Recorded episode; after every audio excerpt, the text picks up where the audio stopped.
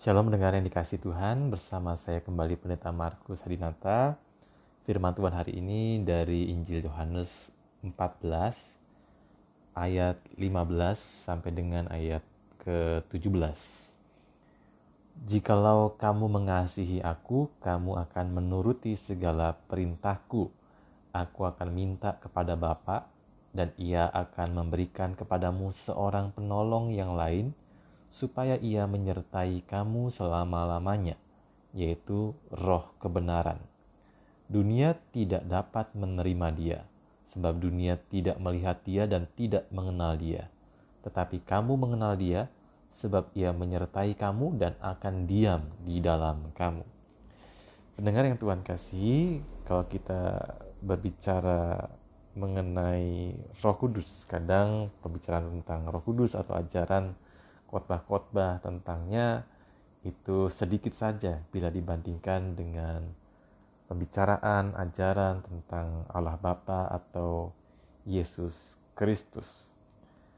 Dan kalau kita me membicarakan mengenai Roh Kudus, maka kita harus juga menempatkannya pada pembicaraan tentang Allah Tritunggal.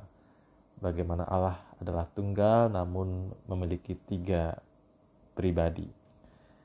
Kadang membayangkan Allah sebagai Bapa tidaklah menjadi masalah. Membayangkan pribadi Allah yang kedua yaitu Allah Putra juga mudah. Bapa dan Putra adalah simbol yang diambil dari hidup keluarga sehingga mudah bagi kita mengaitkannya sebagai gambaran pribadi Allah. Namun membayangkan burung merpati, angin, udara, dan roh sebagai simbol dari alam dan binatang untuk menggambarkan Roh Kudus membuat hal ini menjadi sulit.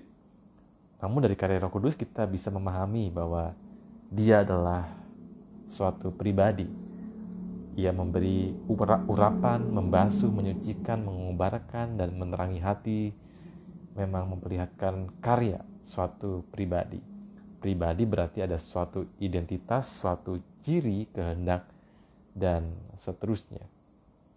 Nah, lebih sulit lagi bagi kita adalah meyakini bahwa ketiga pribadi itu, yaitu Bapa, Anak, dan Roh Kudus, adalah berhakikat sama.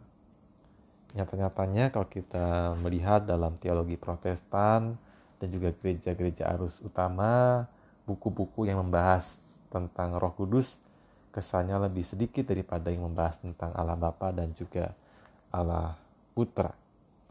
Dalam seribu tahun pertama sejarah gereja, berbagai pembahasan tentang Allah Roh Kudus memang sempat meramaikan hidup bergereja. Di antaranya ada gereja barat, yaitu di Eropa, dan gereja timur Bizantium. Mereka semula sepakat bahwa Allah Roh Kudus adalah pribadi Allah sendiri yang dipancarkan dari Allah Bapa. Namun sesuatu kemudian terjadi. Beberapa duta-duta dari Konstantin Copronimus yaitu sebuah gereja timur sempat hadir dalam sebuah ibadah di gereja Prancis tahun 767 dan dalam ibadah gereja barat itu dilantunkan kalimat yang berbunyi aku percaya pada Roh Kudus yang berasal dari Allah Bapa dan dan dari Allah Putra. Istilah dan dari Putra atau filioku itu asing bagi orang-orang Kristen Timur. Maka orang-orang Kristen Timur itu protes karena ajaran atau paham yang disepakati dipegang bersama di gereja barat dan timur adalah bahwa Roh Kudus berasal dari Allah saja. Kesepakatan ajaran ini dirumuskan kemudian dalam sidang raya gereja di Nikea tahun 325 dan di Konstantinopel tahun 381. Istilah dan dari putra itu tidak pernah dibicarakan apalagi diterima secara bersama. Orang-orang dari gereja barat dan Latin atau Latin berupaya menjelaskan bahwa tidak ada hal yang baru atau hakiki yang ditambahkan dalam keyakinan yang sudah sepakati. Dan akhirnya istilah filioku itu hanyalah istilah yang lebih ringkas dan memperjelas.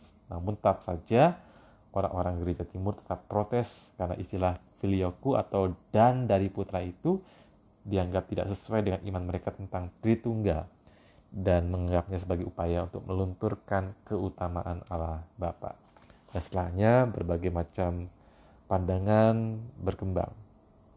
Dan bagaimana kita sendiri memahami dan juga juga merefleksikan mengenai Roh Kudus dalam kehidupan kita. Kembali berdasarkan Alkitab, kita bisa melihat siapakah Dia dan bagaimana pekerjaan-pekerjaannya. Dia adalah pribadi Allah yang punya kehendak dan pikiran, dan bahkan Dia juga punya perasaan. Dalam Alkitab dijelaskan bahwa Dia menolong, Dia menghibur, menuntun, menguduskan, dan sebagainya.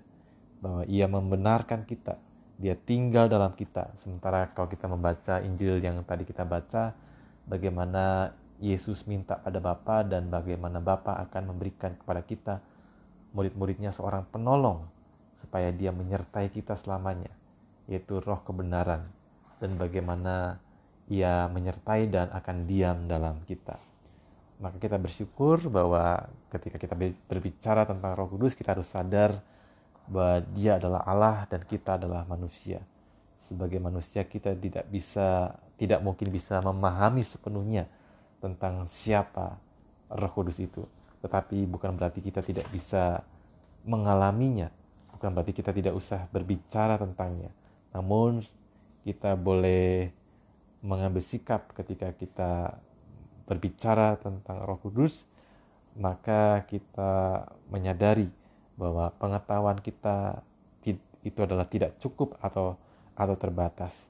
Maka kita harus lebih mau membuka diri dan rendah hati supaya Roh Kudus mendapatkan tempatnya yang tepat di dalam kehidupan kita supaya kita bisa lebih peka dan akrab dengannya baik secara nalar maupun emosi kita bahkan spiritual dan jasmani kita. Amin. Kita berdoa. Ya, bersyukur ya Tuhan bahwa Engkau tidak meninggalkan kami sendirian di tengah-tengah dunia ini.